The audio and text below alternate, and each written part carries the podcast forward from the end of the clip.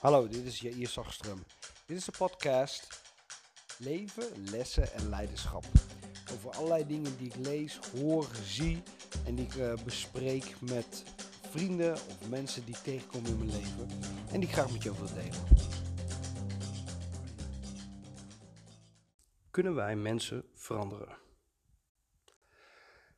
Heb je wel eens stilgestaan waarom wij in het Westen geloven dat mensen kunnen veranderen? Dat is gezien onze geschiedenis niet een logisch idee. Veel culturen, waardoor wij ons hebben laten inspireren, hadden niet die lijn van denken. De Grieken bijvoorbeeld geloofden dat we zijn wie we zijn en je dat niet kunt veranderen. Zij geloofden dat je karakter je bestemming is. En je karakter is iets waarmee je geboren bent. Helden werden geboren, niet gemaakt. Plato geloofde dat sommige mensen goud waren, andere zilveren en andere brons. Aristoteles geloofde dat sommigen zijn geboren om te regeren en anderen om geregeerd te worden.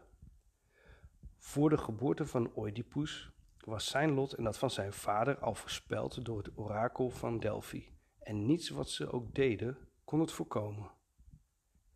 Dit is precies het tegenovergestelde van de kernzin uit het Oude Testament in de Bijbel, die de Joden in de periode van hun nieuwjaar Rosh Hashanah en Yom Kippur zeggen het kwade besluiten af te wenden. Dat is wat er gebeurde met de inwoners van Nineveh in het Bijbelverhaal van Jona. Er was een discreet. Over veertig dagen zou Nineveh, de hoofdstad van het Assyrische Rijk, worden vernietigd. Maar het volk van Nineveh had berouw nadat Jona een donderpreek hield en het discreet wordt geannuleerd. Er is geen definitief lot, geen diagnose zonder een second opinion. De Bijbel wijst ons op de geschiedenis van het eerste systeem ter wereld dat een duidelijk gevoel van menselijke vrije wil ontwikkelde. Zoals de zanger Isaac Bashevis zinger het geestig verwoord, we hebben geen andere keus dan vrij te zijn. Het is de vastberadenheid om te veranderen. De beslissing dat ik ga leren van mijn fouten, dat ik anders ga reageren, dat ik vastbesloten ben een ander soort persoon te worden. Dat is de moed om te groeien als mens. De Bijbel spreekt al meer dan 3000 jaar over processen waarin mensen veranderen. Een duidelijk voorbeeld is de profeet en leider Mozes, die het Joodse volk uit Egypte leidde. Een van de bekendste, als het niet de bekendste volksverhuizing uit de geschiedenis is. We zien hem aan het begin van zijn missie als een man die niet gemakkelijk uit zijn woorden komt. Ik ben geen man van woorden. Ik ben traag van spraak en tong. Maar uiteindelijk is hij de meest welsprekende en visionair van alle profeten en worden de eerste vijf boeken van de Bijbel aan hem toegeschreven. Mozes veranderde. Het was het Jodendom door het concept dat, dat uh, het concept van berouw, dat het idee is geboren dat wij als mensen kunnen veranderen. We zijn niet voorbestemd te blijven wie we zijn. Tot op de dag van vandaag blijft dit een radicaal idee. Veel biologen en neurowetenschappers geloven dat ons karakter en ons handelen volledig worden bepaald door onze genen, ons DNA. Keuze, karakterverandering en vrije wil zijn, zeggen ze, illusies. Het tegenovergestelde is de afgelopen jaren ontdekt, namelijk de wetenschappelijke demonstratie van de plasticiteit van de hersenen. Het meest dramatische voorbeeld hiervan is die van Jill Bolt Taylor.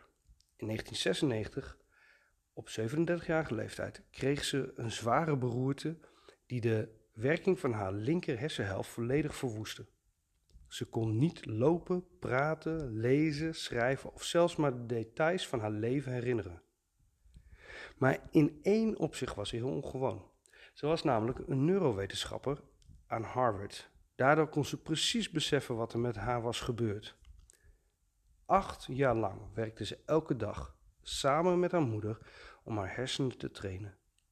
Tegen het einde had ze al meer vermogens hersteld en gebruikte ze haar rechter hersenhelft om de vaardigheden te ontwikkelen die normaal door de linker hersenhelft worden uitgeoefend.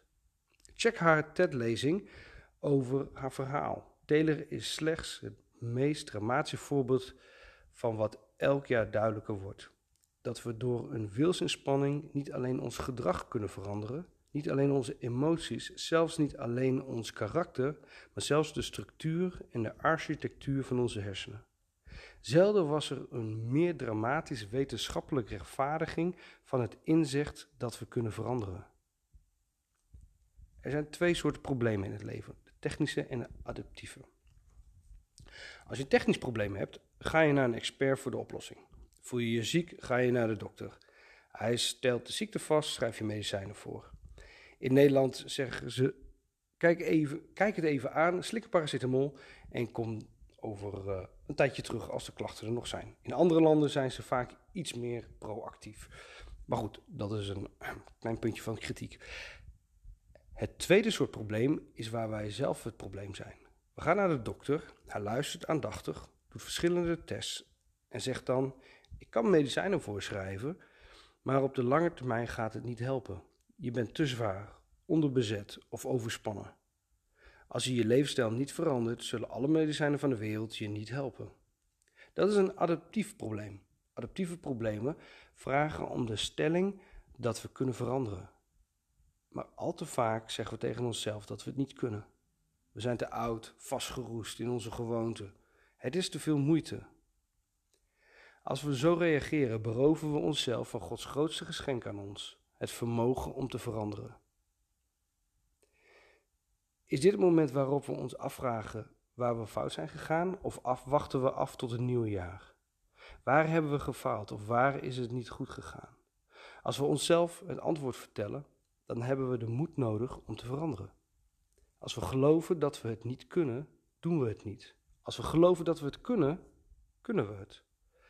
De grote vraag die we ons stellen is: zullen we groeien in ons geloof, onze emotionele volwassenheid, onze kennis, onze gevoeligheid, of zullen we blijven waar we waren?